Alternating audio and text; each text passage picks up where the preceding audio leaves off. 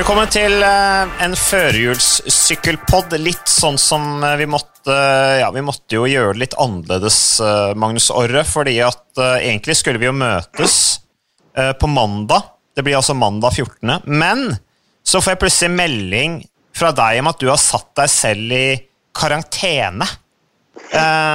Og det, det syns jeg var litt rart, men det er jo fordi at du skal hjem og feire jul. Og ordentlig som du er, så vil jo ikke du smitte dine besteforeldre, selvfølgelig. Så du har kjørt test, koronatest, eh, og da vil du ikke møte noen andre før du da skal hjem og feire jul. Ikke sant? Nei, minst av alt jeg. Ja, for jeg har jo Alskjærs sykdommer. Så du blir jo garantert smitta et eller annet.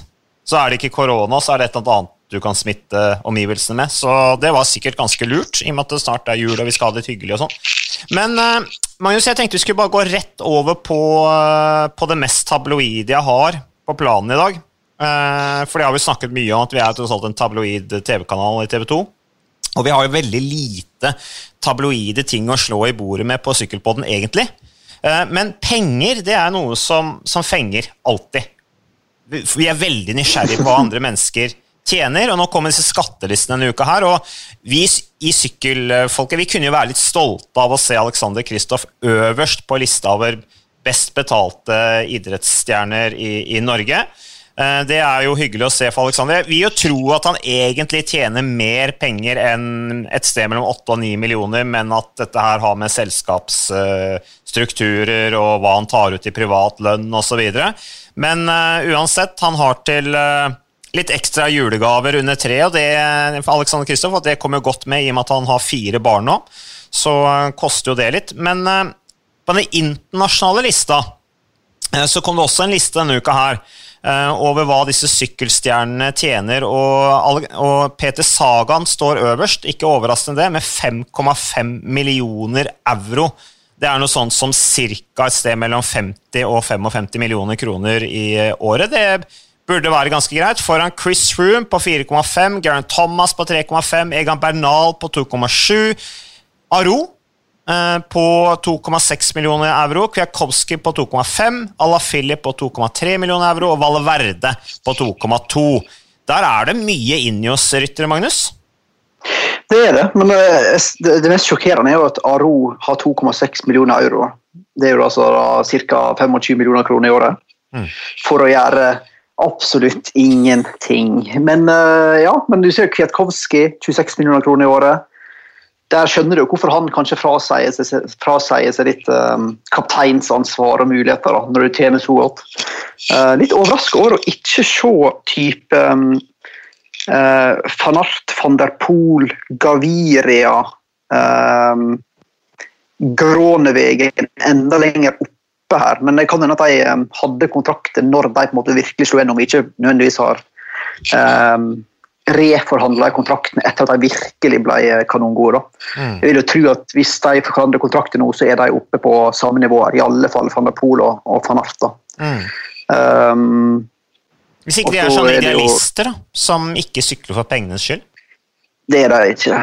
Nei, sannsynligvis ikke. Det, det på. Men, det, men sånn, her har også da Saga mest på sånn 55 millioner kroner i året. Um, og så ligger jo Jeg vil jo tro at veldig mange, eller ikke mange, men en god del på OL-touren ligger jo på minstelønn, da. Som vel er Jeg har ikke akkurat foran meg nå, men er ikke det 400 000, 500 000 kroner i året eller noe sånt? Mm. 38 000 Er det så mye? Det er kanskje litt mindre. Jeg tror det er 39 000 euro. eller et eller annet sånt. Ja. Mm. Så jeg tror det er ganske stort eh, sprang i lønninger. da. Men så var det når du og, og Tor og sykla Han tjente alle penger, og du tjente vel knapt noe som helst? Altså, han tjente det samme i uka som jeg tjente i året. Så, men eh, Nå spurte jeg aldri hva han tjente, da. Men, eh, men det som er ja, jeg hadde minstelønn, og det var jo eh, det, var bra forhold i Credi Agricole. Der gjorde de jo ting skikkelig, så det var jo ordna forhold. Eh, men eh, men en annen, nå er det jo såpass tøffe tider at vi hadde jo snakka om Mark Cavendish forrige uke, som jo kommer inn i The Cunning Quickset, men det er jo Cavendish som ordner sin egen lønn. Han har med seg sponsorer som, som finansierer eh, syklinga, og så får han en plass på det Kønner Quickstep-laget, og de ordner utstyr og sånne ting, selvfølgelig. Det snakket vi om. Men det er jo også en del historier om rytter som kommer inn i lag, men de må skaffe sin egen lønn, sånn som Cavendish, men de har også måttet kjøpe utstyr, de har måttet betale for samlinger, eh, og de har ikke fått noen ting gratis da, fra, fra laget. Så noen er eh, veldig desperate, og da kan kjøpe seg inn eller får til ordninger på den, den måten. Da. Så, men, men, det var nå det med penger. Eh, Inios de er i hvert fall høyt oppe. Jeg vil jo tro at en rytter som Theo Gegenhardt også vil tjene ganske bra hvis han eh, fortsetter den utviklingen han hadde, Giro Italia-vinneren fra i år. Eh, ellers er det de, eh, ja. Hvem er det som har tjent best da, gjennom tidene som syklist? Hvem er liksom den beste, den mest velstående syklisten? Det må jo være Lance Armstrong. Og han har ingenting igjen, da. Men. Han har litt igjen. Jo, han har ganske masse igjen. Han har faktisk ganske masse igjen. Han har en del igjen, men han er jo den som har garantert tjent mest av alle. Uh, og så vil jeg tro at Miguel Lindrøm faktisk gjorde det ganske bra. Selv om han var på en tid hvor det ikke var så godt betalt. Ja, og han forhandla ofte seg sjøl ned i lønn med Movistar, eller Reynolds. Vet du, han, um, han mente jo ikke at han var verdt alle pengene, så han gikk jo i lønnsforhandlinger tidlig og snakka seg ned i lønn med lagledelsen, faktisk. En ekte idealist. var enkelt på den tida. Mm. Ja, faktisk. Greg LeMond var den første som tjente én million dollar i året i sykkel. Var det 83-84? Var ikke det? Ja, var det så tidlig? Var det ikke litt senere, tror du? Når han sykler for Bernard Tapie og Lavi Claire og liksom omgikk de store forretningsmennene og han, han, Greg LeMond ble i hvert fall sagt var en av de virkelig liksom store første forretningsmennene da, i sykkelsporten. Uh, som heva liksom nivået på, på lønninger. Så Nei da, men eh, det er vel sikkert Lance Armstrong som fremdeles troner toppen blant de som har tjent mest. Ikke nødvendigvis i fastlønn fra laget, men sånn totalt sett med alle slags andre typer avtaler han hadde. Eh, og hva de 5,5 millioner euroene til Peter Sagan der er, det Jeg tror ikke alt det er lønna fra bordet hans, tror jeg. Der tror jeg det er mye annet òg. Specialized, for eksempel. Absolutt. Sponsorene betaler vel fort like masse nesten som eh, laget. Så du kan bli rik av å sykle, faktisk, til tross for at det er en slags bohemidrett. er vel konklusjonen.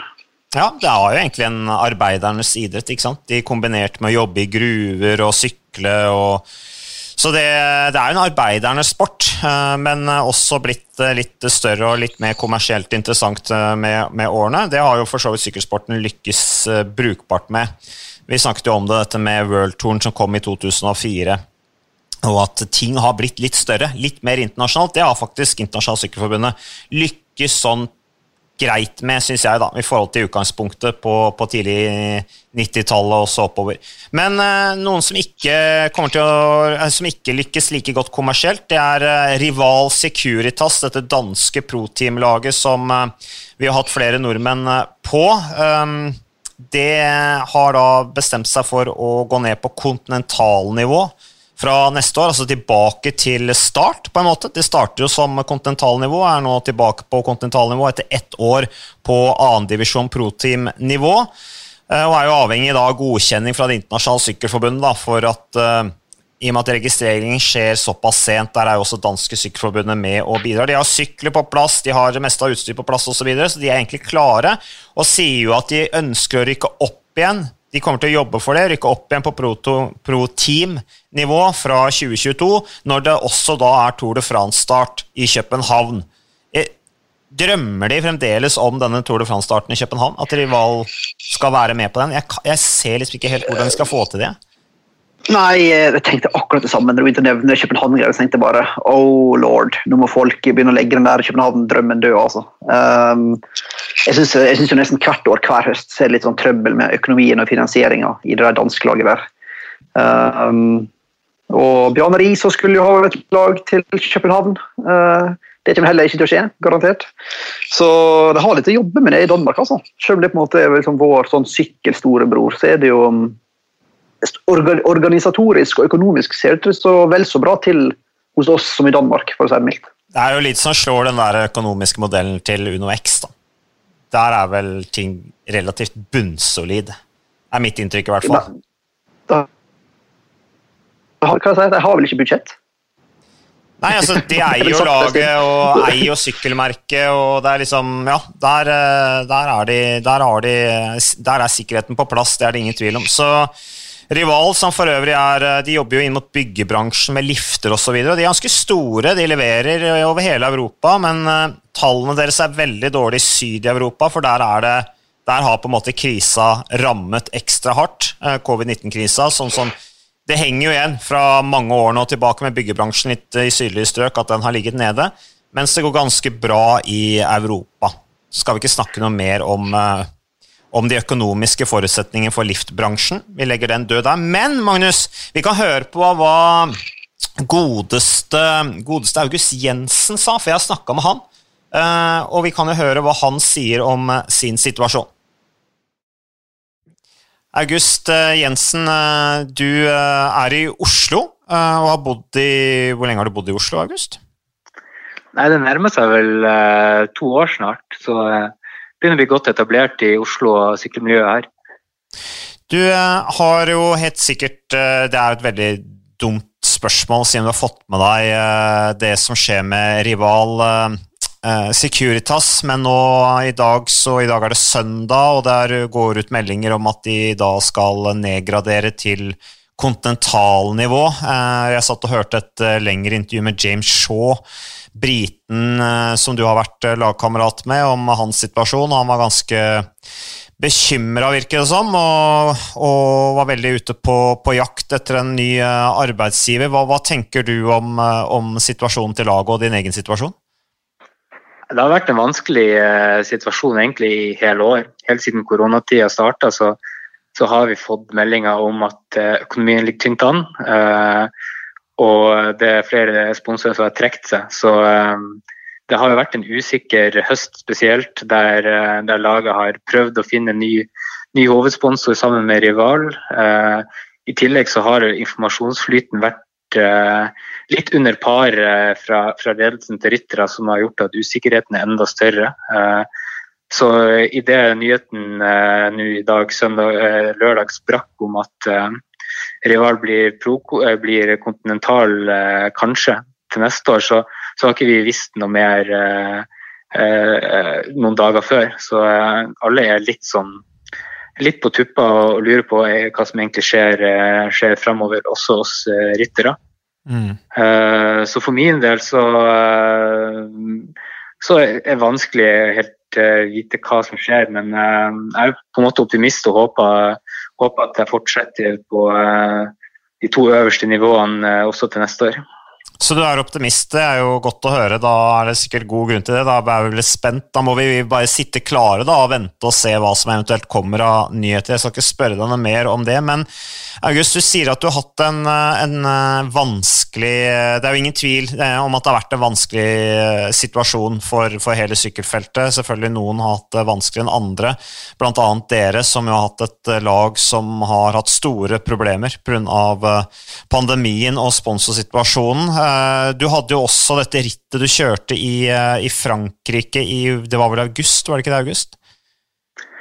Uh, jo, uh, du tenker på de hjerteproblemene som også har uh, vært litt vært et spørsmålstegn der, men det viste seg heldigvis å være et, et klassisk heteslag, kan du si. Men aldri opplevd noe lignende, så da, da, blir man gjerne litt ekstra bekymra. Så det var en litt uh, kjedelig start på ristart på sesongen for min del, men uh, har på en måte kommet greit uh, utover sesongen og har trivdes godt på rival. og har vært ønska med videre av lagledelsen hvis det skulle bli en satsing til neste år. Men nå ser det ut som at den satsinga forsvinner, eller det er vel blitt bekrefta. Så da, da, må jeg se litt utover egen arbeidsgiver.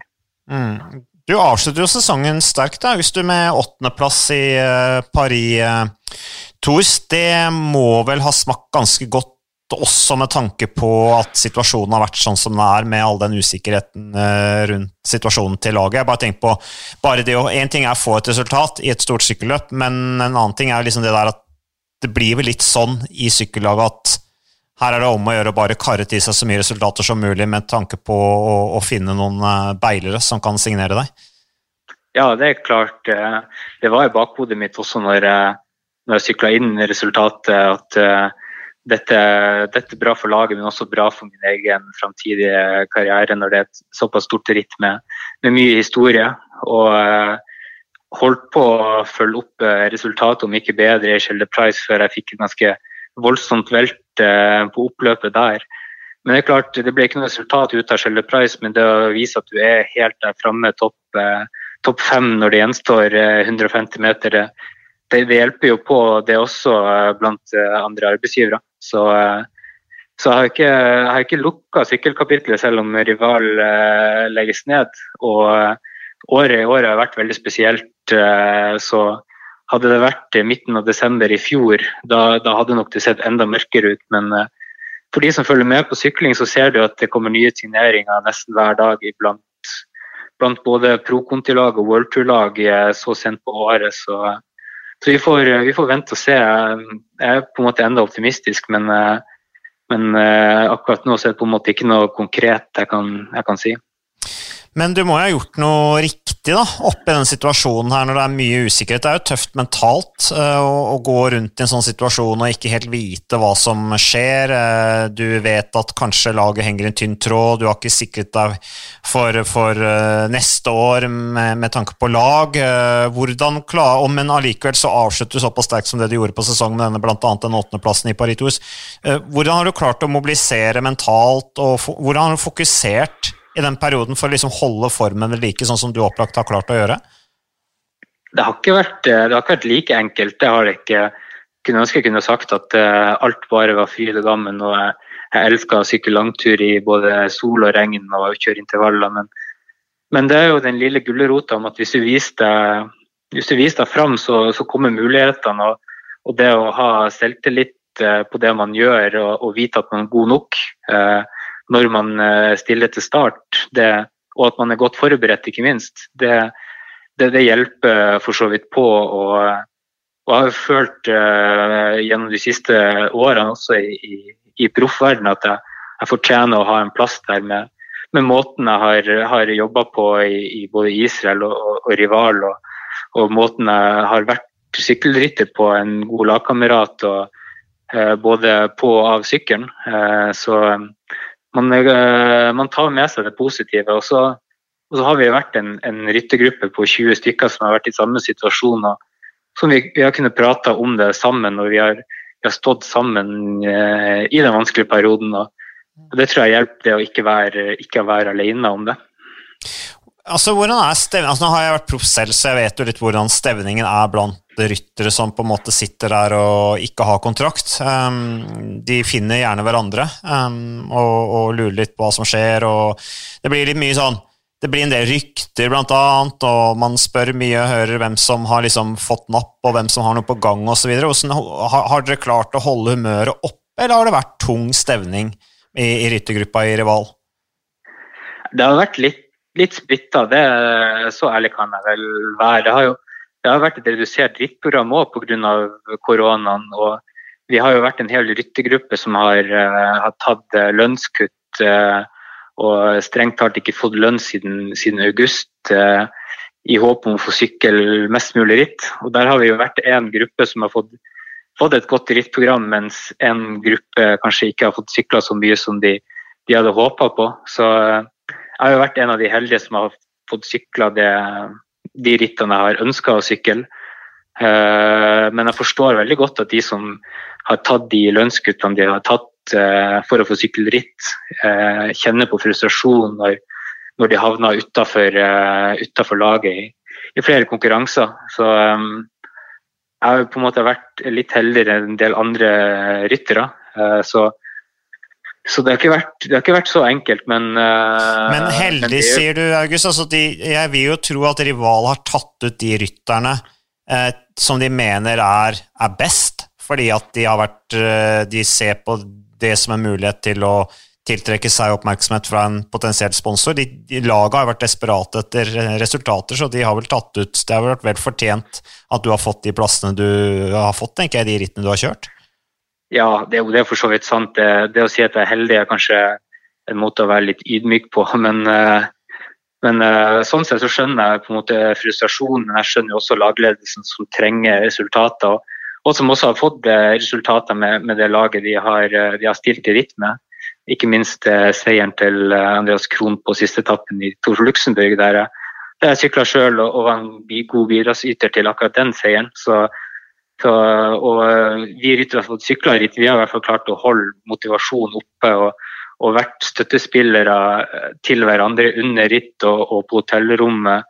Selv om situasjonen har vært vanskelig, og selv om alle vet at kanskje er avhengig av resultat for å kunne være sykkelproff videre, så, så, har vi klart å, å jobbe ganske bra som, som, uh, som lag. Men, men det, blir, det, blir, feil å si at det bare har vært si, guttastemning og, og kos gjennom en hel, eh, hel sånn periode med så mye usikkerheter. Mm. Og, eh, og nå når det viser seg at, at laget stopper satsinga på, på proffnivå, så, så, er det mange som, som er frustrert, og, og, mange som uh, kanskje føler seg litt uh, urettferdig behandla. Mm, det er vanskelig der.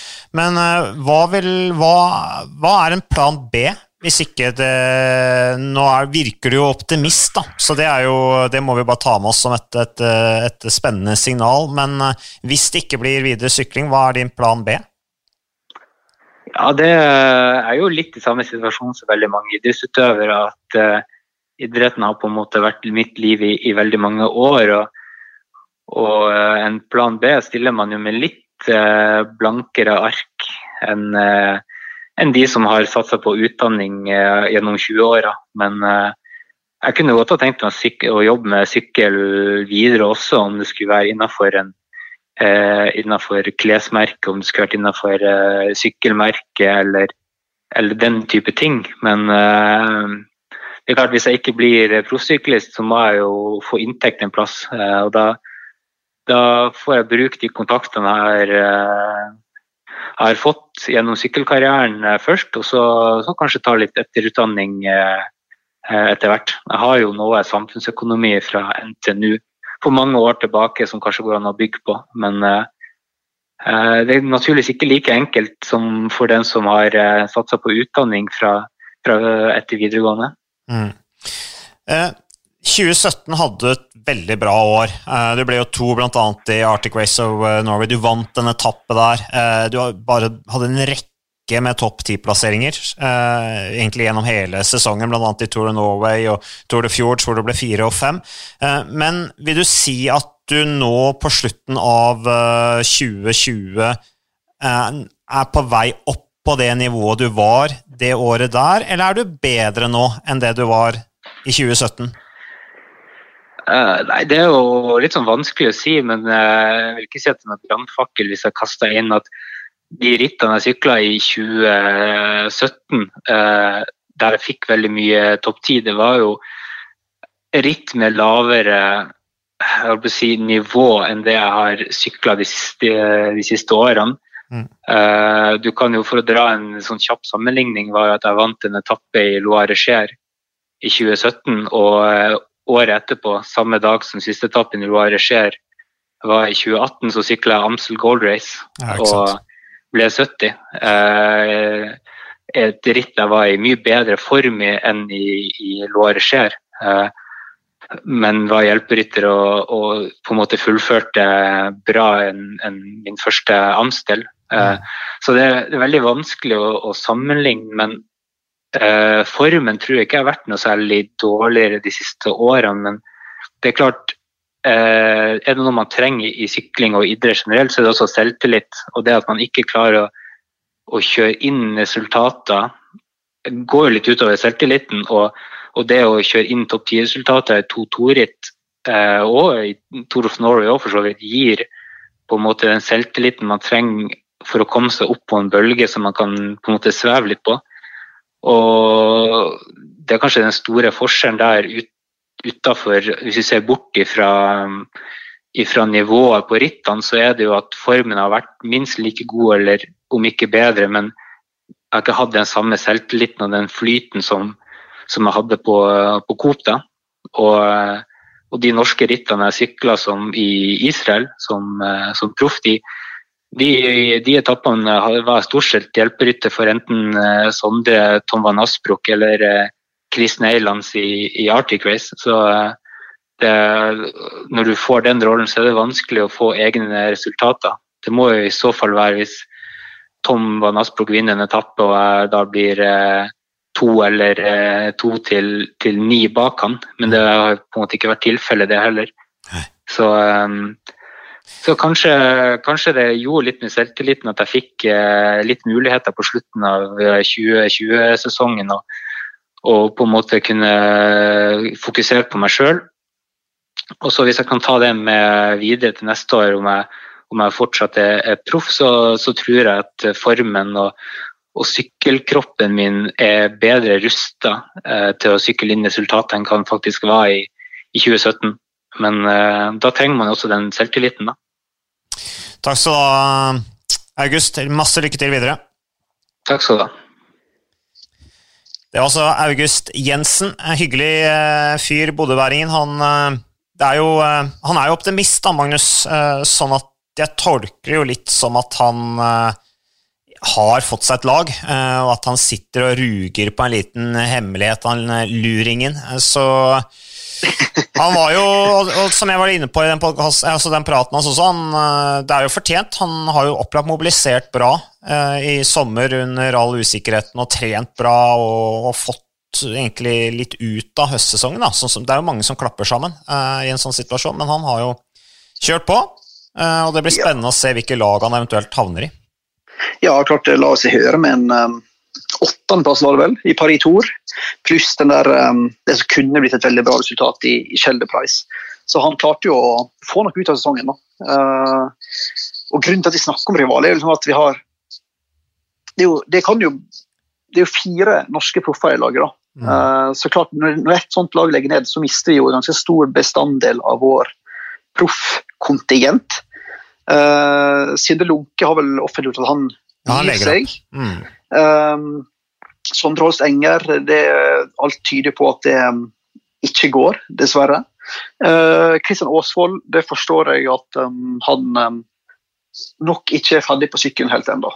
Uh, så vi se i de neste dagene um, hvor det blir hen. Men både, det tyder på at både August og, og Kristian Aasvold fortsetter på et eller annet nivå i 2021. Altså, men ja, jeg får vel inntrykk av at kanskje Sondre Holst Enger er er finito, da, dessverre. Mm. Nei, det er synd. Det er stort talent. Eh, jeg hørte forresten den derre cyclingpodkast cycling-podkast her om dagen, eh, Magnus, som er en veldig bra podkast. Britisk podkast med han Freebie, hvor han snakket om Sondre Holst Enger. og Vi snakket om at du hadde snakket med han på telefon, og at dere hadde pratet om liksom, hvem som kunne være spennende liksom, å satse på, da, disse her som nå vi ikke har hørt noe fra på en stund. Hva sa uh, Freebie, da? Jo, Freebie sa jo liksom at uh, de nevnte noen navn da, over ryttere de, de syns kunne vært spennende og signert, som liksom har uh, blitt glemt. Uh, og så nevnte jo Freebie da, var det ikke 2016-sesongen med IAM, hvor Holstenger hadde tre eller fire topp ti-plasseringer i, i, Tour de France. så sa at ja, han, Freebie ville da signert Sondre Holst Enger. Det ville liksom vært et, en bra investering, mente han, da. Så ja, det Ellers har du James Shaw, som også er uh, rival Securitas-rytter, som ble eh, topp ti i U23-VM i, uh, i Innsbruck i, for to år siden. Kjempetalent, men som liksom ikke har fått det til i det hele tatt i Lotto Sodal. og som jeg hørte intervjuet med, opplevde ikke virke helt fornøyd med, med hvordan han ble behandla i, i, i, det belgiske storlaget, og sa jo at det var krevende i, i Rival Securitas med dette med løp, rittprogram osv., som August Jensen var inne på. Men apropos overganger, Magnus, vi har snakka litt om dette med utøvere, altså de signeringene rundt omkring. da, At vi liksom lurer litt på hvorfor lagene signerer enkeltryttere som vi ikke har hørt om, som nesten knapt har sykla et sykkelløp. Og nå denne uka her så kom det en ny sånn signering. Og det var Bordet Hansgrohe som da signerer den 27 år gamle randonee-utøveren Anton Palser fra april 2021. Altså han skal fullføre denne vinterkonkurransesesongen før han da begynner å sykle sykle, skal satse på sykkel, noe han har drømt om lenge. Fikk jo ideen gjennom Ralf Denk, da, som er manager i Bora Hansgro, og Helmut Dollinger, som er trener i Bora, som også, Dollinger som også har hjulpet han godeste Palser med trening da, inn mot vintersesongen. Driver også med motbakkeløp og fjellmaraton, Palser. Så det er vel eh, litt sånn eh, skudd i det blinde fort, eh, Magnus? Ja, noe sier meg vel at han, det slo Anton Palser at det var mer penger i sykkel enn det var i motbakkeløpet, randonee, verdenscup og um, hva var det siste han der konkurrerte i? Ja, Det er fjelløp, da, motbakkeløp. Ja, det er jo litt sånn her, uh, høres ut som en slags sånn Kilian uh, Journet-type. Uh, han som bor oppe i um, Åndalsnes, som er fra Spania. Som er sånn verdens beste sånn ultra fjelløper. Som, han konkurrerer jo i sånne randonee-konkurranser og sånt. Uh, og det er jo et skudd i blinde. da. Hadde visstnok veldig høye O2-tall og sikkert òg eh, høye terskelverdier. Eller gode terskelverdier. Um, så det er jo litt sånn der um, Ja. Han har vel trent med det litt sånn i sommer da, i, i Østerrike, i fjellheimen der. og uh, Jeg tipper nok han nok sikkert um, har en litt sånn kreativ lønnsdeal der med en del sponsorer som kanskje står for litt av lønna. Jeg vet ikke. Jeg ser han er Red Bull-utøver, blant annet. Ja, sant. Um, så vi har sett mange forskjell. Vi har jo liksom, vi har jo han, og så har vi jo han der um, sant, han, um, Marti Vigo, Marti mm, ja. som vi snakker om, i Androni. Og så har du to triatlonutøvere i Okamika og en til som har blitt truffet i år. Eh, vi har jo sett en haug med folk fra terrengsykling siste året. og Vi har sett folk fra uh, andre idretter. Men jeg føler det går en sånn inflasjon, eller øker stadig vekk mer da, i det der behovet for liksom, å ekspandere uh, uh, horisonten og få inn utøvere fra andre idrettsgrener. At det har en slags publisitetsverdi som er ganske stor for seg lagene. Mm. Um, Bora, kunne jo, Bora er jo et veldig bra sykkellag, men klart hvis jeg kan få litt god publisitet rundt litt sånn PR-vennlige ryttere, for å bruke det ordet, så vil jo de ha godt av det. Det er jo ikke nødvendigvis det laget som går mest gjennom TV-ruta. Bordet, hans kroe. Så hvis han Anton Palser er en suksess og en trivelig fyr, så kan det godt hende det er verdt investeringa. investeringer. Rolf, Ralf Denk sier jo jeg har sett i Roglic, som jo kom fra skihopping, og Michael Woods, som kommer fra mellomdistanseløping. Uh, vi følger med på andre utøvere, sier Denk, men jeg, jeg tenker det begynner å bli sånn flaut, det. For internasjonal sykkelsport. Liksom, det skal være øverste nivå. og vi veit jo hvor hardt sykkel er, og sånne ting, men hvis bare alle skal bare liksom Ja, nå har jeg holdt på med langrenn, og nå har jeg holdt på med skihopp, og nå med golf og roing og hva Nei, nå skal jeg jaggu ta noe Avslutte karrieren med sykkel, for det er bare å hoppe rett inn i, og Det er jo litt flaut, tenker jeg. Er det liksom ja, så lett? Er det, er det, det nivå i sykkel? ja, liksom, vi, vi, vi, vi snakker, ikke sant? hadde akkurat en intervju med med, med, August Jensen, som jo har, liksom, sliter, med, har, sliter, med, å finne kontrakt. Vi vet alle rytterne på toppnivå som, som, sliter med å finne kontrakt. Og så har du disse utøverne som bare Ja, de er gode, du, du veit egentlig ikke om de er gode til å sykle. Og så, og så, men, men, det er dette med, jeg tror det er et resultat av dette med Strava, blant annet. At uh, han godeste Palser han har jo også levert gode Strava-tall. da, som opplagt har blitt lagt merke til. Og så har de testa og sett på, sett på OT-opptak og sånne ting. Og, og, vi hadde jo Sindre Burås for noen år siden, som jo også jeg, Så vidt jeg husker, så leverte han veldig bra Strava-tall på bl.a. opp til Tryvann, det ble lagt merke til. Eh, veldig høye O2-tall osv., men det er, ikke, det er jo ikke noe automatikk at du blir god til å sykle. Eh, og det var litt å vise tilbake til tidligere podkaster. altså den der eh, podkasten jeg hadde med med altså han som ble juniorverdensmester i, i, Norge for noen år siden. Um, Oskar Svendsen. Oskar Svendsen, ja takk, eh, på Tempo. Uh, hvor han også snakker om liksom, ja, det, er, det, det, er, ikke bare det med den fysiske kapasiteten. altså Sykkel er jo veldig sammensatt. Uh, måten du sitter i feltet på, måten du kjører deg opp, uh, girbruk altså det, det, Flyten du har før du kommer inn i eventuelt avgjørende partier på slutten av rittet hvor du skal gjøre det fordi at du har en av bakkekapasitet eller et annet. Det er ikke noe automatikk i at du sykler fort opp Tryvann f.eks., eller et eller annet Strava-segment, og så blir du god til å sykle. Nei, det tar jo ofte ganske lang tid, da. det vet du bedre enn meg. Men det, det tar jo ganske lang tid å bli vant til den der eh, posisjonskampen og finne ut hvor i feltet du skal være, og hvor det er lurt å ligge, og hvordan du skal angripe en bakke. Og jeg husker jo sånn, sånn en type som um, Tom Danielson, f.eks. Uh, som var sånn supertalent som visstnok hadde verdier på samme nivå som liksom Dance Armstrong, men som aldri i løpet av den karrieren sin klarte å finne ut eller knekke den koden med hvor han skulle sitte i feltet. Uh, så det er liksom ikke gjort bare på én eller to sesonger. det der. Så hvis han Anton Palser, da, han er vel om jeg husker riktig 27-28 mm, år, noe sånt, 27, det, ja, nei, Grunnen til at jeg er litt sånn skeptisk til alt det er jo litt som det du sier, at det tar litt tid å komme inn i dette. her. Det er liksom ikke bare gjort på få litt erfaring en vårsesong, og så er du der. Det tar ganske lang tid.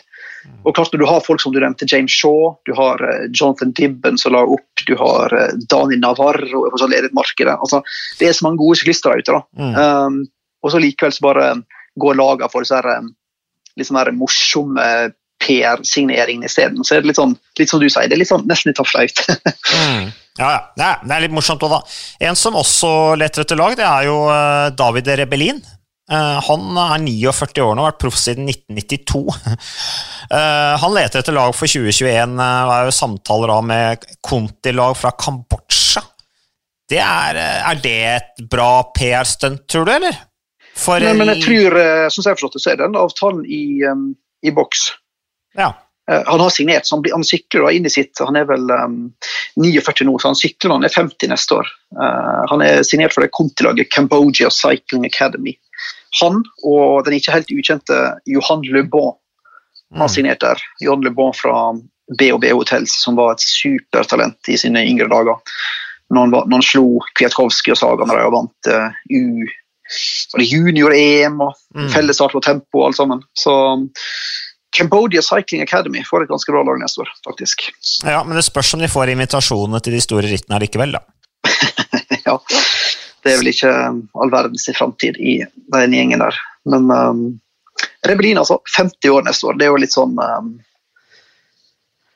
ja, jeg skulle tro at han som debuterte i 92, var det vel, og sykla sammen med Steven Roach, og legger vel opp etter Nicholas Roach, kanskje. Så um, det sier jo litt om han. Ja, det sier noe om at han uh, liker å sykle, i hvert fall. Og liker å konkurrere. Det skal han ha. Så det er det mange som gjør. Men uh, Tom de Malin, apropos uh, Han uh, Ikke apropos, men Han sier i et intervju her med Velo News at han ikke levde opp til forventningene i 2020. han ble jo sju i Tour de France. Skuffe, ble var skuffet over temporittet i Imola i VM, hvor han bare ble nummer ti, brøt Spania rundt. Og så sier han at ja, jeg mangla den siste prosenten. alt handler om den siste prosenten. 99% er ikke lenger nok, sier han. Og så snakker han om den yngre generasjonen som er på vei opp, og at vinnerne blir stadig yngre, og så stiller han spørsmålstegn med Han lurer på om det har blitt hardere enn før, da. Uh, og det er litt interessant refleksjon uh, for rytteren som har målsetning for 2021. Det er da temporitt i OL i Tokyo, som burde passe ham bra, og så det, sier han til at Tour de France også blir veldig spennende også for han, særlig med tanke på at det er såpass mye tempokilometer da, i, i, utgaven til neste år. Så det blir spennende å se på Tom Dumoulin. Tror du han eh, Hva tror vi om Tom Dumoulin? Tror vi han jekker det opp et, uh, enda et nivå i 2021 og, og kommer tilbake for fullt? Ja, det tror jeg. Jeg tror ikke vi skal undervurdere den lange perioden han var ute med skade. Og Fyren er jo fortsatt bare 30 år, så han har jo i teorien fem-seks gode år foran seg mm. i det som kanskje er verdens beste sykkellag, med alle ressurser tilgjengelig. Så jeg tror um, jeg er enig at det var litt skuffende i år. Jeg hadde kanskje sett for meg at han som er såpass um, uh, skal vi si, Han har ganske sånn unikt hode, da, ganske tøff i knollen. At han skulle være enda litt sterkere enn han var i år. Um, selv om klart, hvis vi med ja, Er han tøff i knollen, Magnus? Er Tom Domelin en som, som, slår deg som tøff mentalt? Absolutt. Ja. Han slår meg som litt sånn jeg skjønner hva du mener, han slår meg som litt sånn skjør personlighet på den måten at han kan fort bli litt sur. Mm. Og så er han veldig, veldig blid og hyggelig, og så kan han bli litt sånn sur igjen. i hvert fall utad. Men han slår meg absolutt som en fyr som er sterk i hodet. altså Jeg får ikke snakke med de som jobber med han og de som er rundt han. Uh, og klart Når du begynner med sju i Tour de France, du begynner med 10 på tempoen i VM, du begynner med 14 i Landslagsrittet, du begynner med 12 i Liège på sånn Liège. Mm. Det, er jo ikke, det er jo ikke dårlig, men jeg tipper at det han fikk til i år, vil hjelpe han ganske masse inn neste år. Uh, og som sagt, han er bare 30 år. da, Fantastisk utøver. Så han tror jeg ikke vi har sett det siste av. Det er jeg ganske, ganske sikker på. Han er en flott rytter, flott type og syns jeg. Han er, virker som en intelligent uh, fyr uh, som, mm. som, uh, som, har mye å, å, å bringe til, til sykkelsporten. så det hadde vært spennende å se om han liksom tok det enda et nivå opp neste år. Som du sier, dette er at han kommer tilbake fra en lang skadepause mye problemer. Han var opplagt frustrert også i Sunweb, hvor han måtte bære litt for mye av ansvaret, som jeg syns har vært interessant. i hvert fall, Å se på de rytterne som velger å gå over til lag hvor egentlig den interne konkurransen er større, men de foretrekker det fremfor å måtte bære alt ansvaret alene. Eh, som, som, som sånne soleklare kapteiner. Da. Så, men eh, Magnus, så du på VM i eh, e-sport, eller, altså, eller Swift-VM? Du, jeg gjorde, jeg gjorde, egentlig det. Ja. Uh, uh, grunnen til å si egentlig er vel at jeg, eh, som sikkert mange andre, er litt sånn på gjerdet om hva jeg syns om det. Så, så, du på? Ja, jeg, så, jeg, skal se herrenes ritt. Jeg har sett damenes ritt. Uh, og det syns jeg var fascinerende. For det første syns jeg det var utrolig sånn gjennomført, imponerende laget, da, rent sånn grafikkmessig, med ned i tunneler med hvaler som svømte rundt. Og jeg satt der jo med sønnen min Liam. Og han syntes det var kjempegøy å se på, mye mer gøy enn å se på vanlig landeveisritt. Liksom, det så jo ut som et sånn eh, TV-spill, ikke sant? og det syns jo han er moro. Um, så, uh, så dessverre, kan du si, da. Um, alt som er autentisk og, og, ekte og naturlig, det er liksom ikke gøy lenger for den yngre generasjonen. De vil ha det kunstig. Så, men, uh, men det var uh, altså sånn Det var litt fascinerende med Jeg visste jo ikke helt hvordan dette fungerte med disse her fjærene som de brukte, og disse her knepene man kunne bruke. da. Uh, disse korta man hadde på hånda som man kunne spille ut underveis. Det hadde jo litt sånn, hadde jo sånn taktisk element av seg som som var litt uh, morsomt. Så var jo for øvrig Ashley Moolman Pasio som vant damerittet foran Sarah Giganti fra Australia og Cecilia Han Hansen fra, fra, Sverige. Ingen av de norske ble topp ti. Uh, men de kjørte jo mot Anna van der Breggen, Annemiek van Fløyten, Kirsten Wilt, Lisa Brennauer. De ble jo kjørt alle sammen. Uh, Norge som da stilte i dameklassen med Kristina Falk og, og Borge Løvseth. Så ja, ja, men hva, hva, tenker du Nå har jeg sagt litt om det. Uh... Ja, nei, jeg tenker jo det er litt som vi snakker om med det å, med å det bli vant til å sykle felt. Det er jo nok å bli vant til å sykle på Swift. altså Hvor tid du skal bruke power-upene og hvor tid du skal bruke ja, fjæra, som du sier. altså Det er ganske masse sånn taktikken i bildet. Men jeg er litt sånn det høres ut som jeg kanskje jobber i Norge Skiforbund, nå, men jeg er litt sånn mm. skeptisk til den nye, teknologi, den nye teknologien. Altså Det være seg uh, skøyteteknikk eller V-stil eller fellesstart eller ja, Og ikke minst glassfiberski glassfiberski, ikke minst, uh, på tidlig 70-tallet. Tempobøyler? Ja, jeg, det kan godt hende dette er dødskult om ti år, at dette er alt vi digger å snakke om og er på TV, men mm. jeg, jeg, jeg, må helt ærlig si at jeg sliter litt med å, å skjønne Eller jeg skjønner det. Jeg sliter litt med å se hva som er så kult med det. Uh, det er iallfall betydelig mindre kult enn vanlig landeveissykling, i mitt hode. Uh, for det er jo så vanskelig altså det er, ja, det, det, det, Du mister jo 100 faktorer og variabler når du tar sykkel fra landeveien inn på en, um, en e-sportplattform. Um, ja, det er ikke det, det, real thing. Helst som frelst, altså. det er ikke Nei. Nei, men Det er litt morsomt. Det er et morsomt supplement, syns jeg. Så, og jeg syns jo igjen altså, vi, vi, vi, kritiserer jo Internasjonalt Sykkelforbund og sykkelsporten for mye, men igjen tilbake til hvordan de har tatt utnytta situasjonen med covid-19. Så på tross av alle problemene, så har det skjedd noe positivt òg. Det der med, med, rullesykling og Swift og det, Jeg tror at det har kommet for å bli, altså. Jeg synes vi har, Du har godt poeng. Vi, vi må hylle litt uh, sykkelsporten på alt den har klart å få til denne sesongen. altså. Én ting er e-sport, men det er òg når du ser den der, uh, diskusjonen og kranglinga som går om dagen med Tore Ski og alt det greiene der. Mm. Altså, jeg, jeg, altså, klart Det er en annen verden nå enn det var for noen måneder siden, men hvordan i alle dager kan du klare å gjennomføre sykkelløp med så mange flere nasjoner, så mange flere land, eh, utøvere, og så klarer du ikke å få til altså, Hva er det FIS driver med, vil egentlig jeg har lyst til å komme fram til. Da. De mener at sykkelsporten har kommet veldig godt ut av den koronaperioden. Mye bedre enn jeg trodde de skulle klare å, å få til. Ja, så Jeg hadde litt dialog med Gabriel Rask på tekstmelding her, eh, og så bare sendte han meg plutselig Det var jo da når, eh, FIS, nei, når eh, Norges Skiforbund hadde sagt at de ikke ville være med på, på Tour de Ski. Jeg, jeg, har jo en følelse at Johannes Høstbro Klæbo gikk først ut og sa at jeg skal ikke være med på jeg skal ikke være med på Tour de Ski. Så brukte han vel argumentet at det var smittevernhensyn, men jeg tror jo at det i bunn og grunn handler om VM, ja da. At Tour de Ski er ikke så viktig, for det er VM som gjelder. Eh, og så vil man ikke gamble med noen ting. Det har vi jo sett før når det er VM-år, at skiløperen har stått av Tour de Ski eller ikke deltatt i Tour de Ski, for å, for å ikke gamble da, på belastningen. Eh, og så kommer da Skiforbundet etter og sier liksom ja, vi, vi i lys av at Klæbo ikke vil være med pga. smittevernhensyn, så blir jo de seende dumme ut, tenker jeg. Hvis da de allikevel reiser med en tropp når liksom den største utøveren deres sier nei, og får så mye hyllest fordi han tar et standpunkt eh, og tar ansvar, da, som mange mener han gjør, i den tida vi er i, og ikke deltar i Tour de Ski. Men jeg tenker jo at, eh, at det, tilbake til Gabriel, som liksom sendte meg melding ja, dette er jo interessant å se at langrenn ikke vil være med i Tour de Ski. altså jeg, I covid-19-året så har jeg eh, flytta inn og ut av 136 forskjellige hotellrom, skrev Gabriel. Um, så det Ja, altså, det er riktig han, han, det, Jeg tror faktisk det, det stemmer, men, men, det er liksom Spania rundt, Italia rundt, Tour de France, alt er blitt gjennomført. Uh, det har jo ikke vært helt uten problemer, men, men uh, Italia rundt var litt utfordringer. Da var det Jumbo Visma som trakk seg, og det snakka vel også om at det er sånn typisk altså Det sykkelsporten da mangla i den situasjonen der, var at de var felles om en beslutning. Og det tenker jeg også med, med Tour de Ski. da, Hvis Tour de Ski skal virkelig forankres og få en tradisjon og bli kjent internasjonalt som en institusjon i internasjonal sykkelsport, så burde jo egentlig langrennsnasjonen hatt et fellesskap rundt den type beslutninger. Eh, og det er sikkert lett av meg å si, for nå er det jo en eksepsjonell eh, situasjon.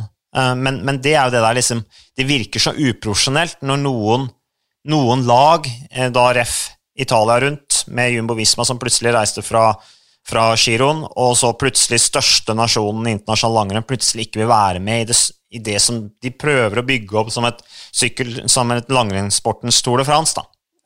Da, da tenker jeg liksom Hvor er jeg, det burde vært en sånn type felles forståelse da, eh, og felles enighet eh, rundt, rundt en sånn hvordan man skulle forholde seg til situasjonen, tenker jeg. Jo, men klart, du, alle landene kommer inn med helt forskjellige utgangspunkter. De kommer fra land der du har helt ulik smittesituasjon, eh, helt annen politisk korrekthet i enkelte land, mm. helt andre økonomiske muligheter for enkeltland til å stå over, ikke minst. Sant? Det er jo ikke alle som kan eh, velge å stå over de viktigste konkurransene eh, uten at det får litt konsekvenser. I Norge kan vi jo egentlig det.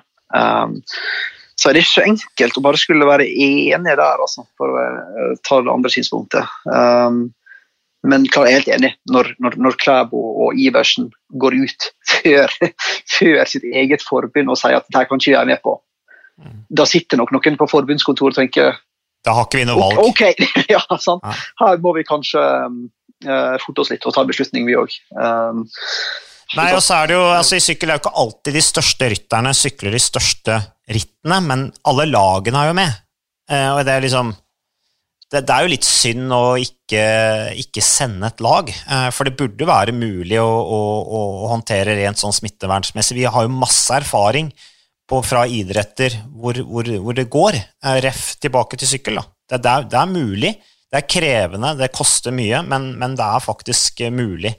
Eh, og er det et arrangement, så er det et arrangement, og da tenker jeg at da, da er vi med på det. Eh, så ja, men Mener du at folk skal delta i arrangement bare fordi det er et arrangement og Norge burde stille opp? Hvis legene gir råd om at dette her er ikke forsvarlig for våre utøvere, så mener du likevel at Norge skal delta? Ja, jeg tenker at det burde være mulig å gjøre det. Altså, De skal jo være med i VM. Det er jo en utfordring, det òg. Men, men hva er poenget med at medisinsk ekspertpanel da, i sin egen organisasjon hvis du skal høre på dem? Skal Norge da like sende et slags sånn nødlandslag da?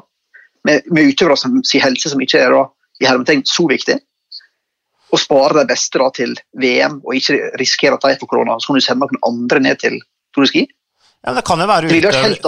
Ja, men jeg, jeg, tenker jo at det er utøvere som, som sannsynligvis har, har, lyst til å stille, og som tenker at det her er forsvarlig å gjøre.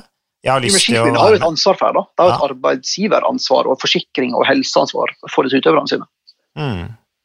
Ja da, det er ikke lett, men allikevel, uh, det er jo nasjoner som gjør det. Da, da er de andre helt uh, idioter, de, da. Jo, men det er jo, altså, Nå kommer vi inn på farlig farvann. Altså, det, det, er jo en grunn til at det er kanskje en grunn til at Norge har eh, meget gode smittetall for det, det begrepet, da, kontra rundt om i Europa. Uh, så det kan hende at Norge faktisk gjør noe rett her òg, da. Mm. Ja ja, godt vi gjør det. Vi gjør det. Det er et uh, godt poeng, det. Og det er jo uh, en annen ting som er interessant, det er jo selvfølgelig det der hvis en toppidrettsutøver blir sjuk, hva, hva, er konsekvensen av det på sikt? Det, mm. det er jo selvfølgelig interessant og, og, litt skremmende, da, tenker jeg. Det har vi jo snakket om før også, med Gaviria som har vært smitta to ganger. Han har riktignok kommet tilbake og vunnet sykkelløp, men det er jo som, noen som sier at han allikevel ikke helt har kommet tilbake på det nivået han var, da, rent fysisk. Uh, og det har det jo også vært saker på i i vår egen sportsredaksjon, bl.a. på Sportsnyhetene, 21.30-nyhetene, dette med Sparta bl.a., alle disse utøverne som har vært covid-19-smittet der. Så, så, det er en interessant diskusjon, det der, altså. Um, men vanskelig ja, også. Det, det, er jo ingen grunn til å ta noe risiko hvis du kan unngå det, tenker jeg da. Mm.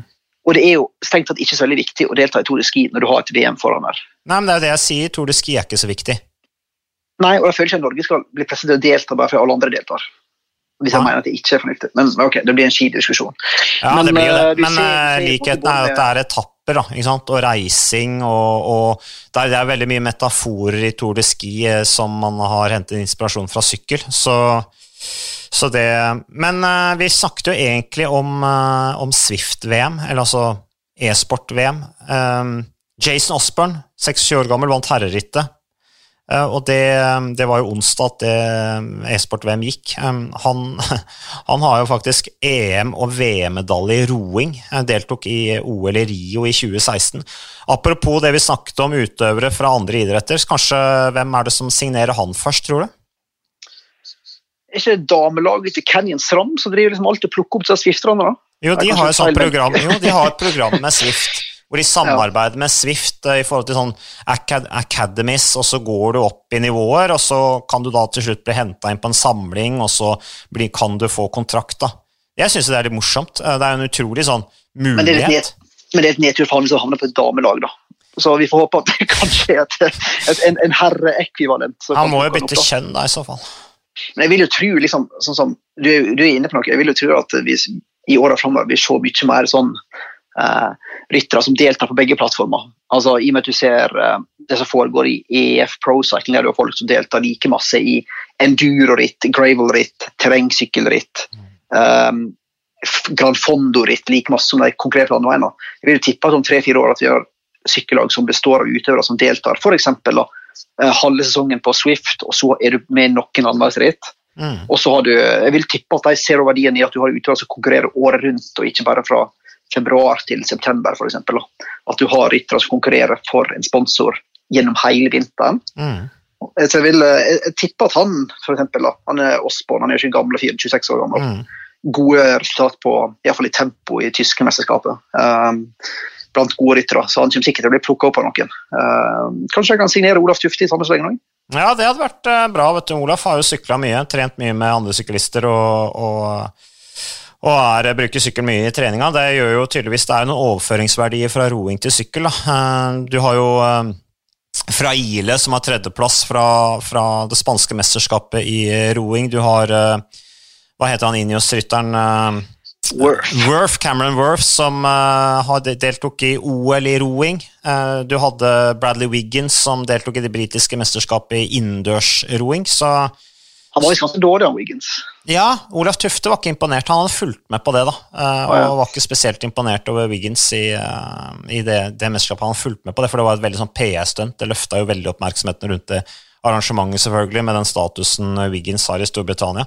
Men eh, også han Osbjørn har jo bra sånn Strava-segmenter, da. Blant annet om denne Monte Serra-klatringen, hvor han hadde hadde, var leder av det segmentet en stund, i hvert fall. Uh, og så har han faktisk en sjetteplass fra det tyske mesterskapet i tempo i år. Så gutten kan sykle, altså. Det er det ingen tvil om.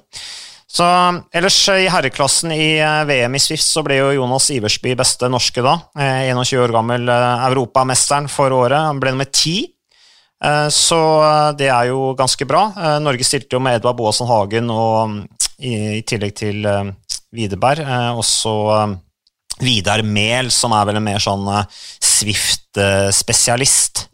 Som uh, blir spennende å se, følge med på da, fremover, hvis, uh, hvis det utvikler seg videre, den, den, delen av sykkelsporten. Men Magnus, hva Vidar, Vidar Mehl han la, vi skulle lage en reportasje på han faktisk, tidligere ja. i år. For han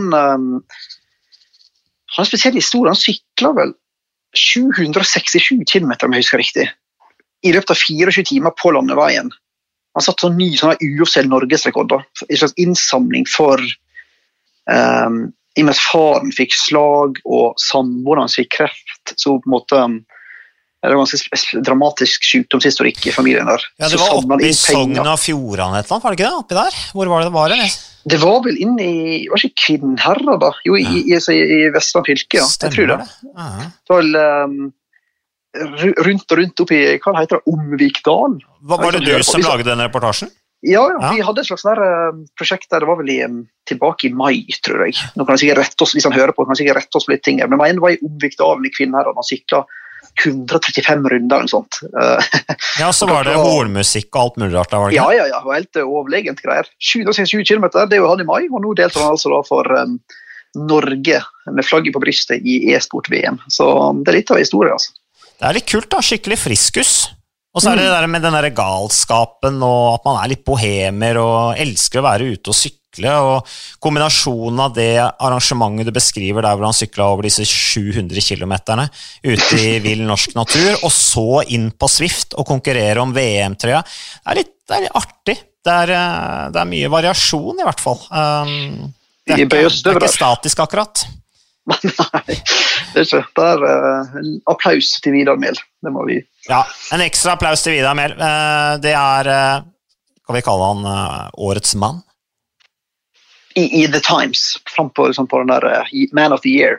Man of the Year på sykkelpodden, det er Vidar Mehl. Altså. det er faktisk det. Den, så der ble det kåra. Det, gratulerer til Vidar Mehl med kåringen av årets mann på sykkelpodden. uh, ja, skal vi si god jul, eller, Magnus? Ja, det kan hende vi får til noe før jul òg, men det er aldri feil å si god jul. Jeg har sagt god jul i et par uker allerede. Så det kan vi egentlig. Nå er det jo en fare for at vi kan få til det, for at denne podkasten her er jo egentlig litt sånn historisk. fordi at det er jo første gang vi spiller inn podkast, du og jeg, hvor vi rett og slett bare bruker telefon og Teams og sånne ting. Ja, vi, vi har jo stått på vårt og vært gammeldagse og skulle møtes fysisk. Uh, mm. Mot all for, sunn fornuft. Ja, så jeg leser papiravisa, du er imot alle nyvinninger. Så dette her var jo et kjempegjennombrudd for oss, egentlig. Det var det. Det var stort. Det var hyggelig. Det var veldig hyggelig, men du får masse god tur uh, tilbake til Sogn og Fjordane, eller til Eid. Er det der du skal? Ja, jeg skal, skal først til Bjorli. Vi har familien til samboeren min har Hitra. Så skal vi gå på ski og stå i trekk og sånt. Så det blir gøy. Mm. Er det snø, bedre enn to, bedre enn to grader og sludd, så vi har vært i Oslo nå i fire uker. Ja, det er en del snø. Det er faktisk det. Mm. Mm, ja, det, blir bra. det er bra for du lader batteriene. Og alle som har lytta på Sykkelpodden, takk for at du uh, lytta, og så vet vi ikke når vi er tilbake. Takk!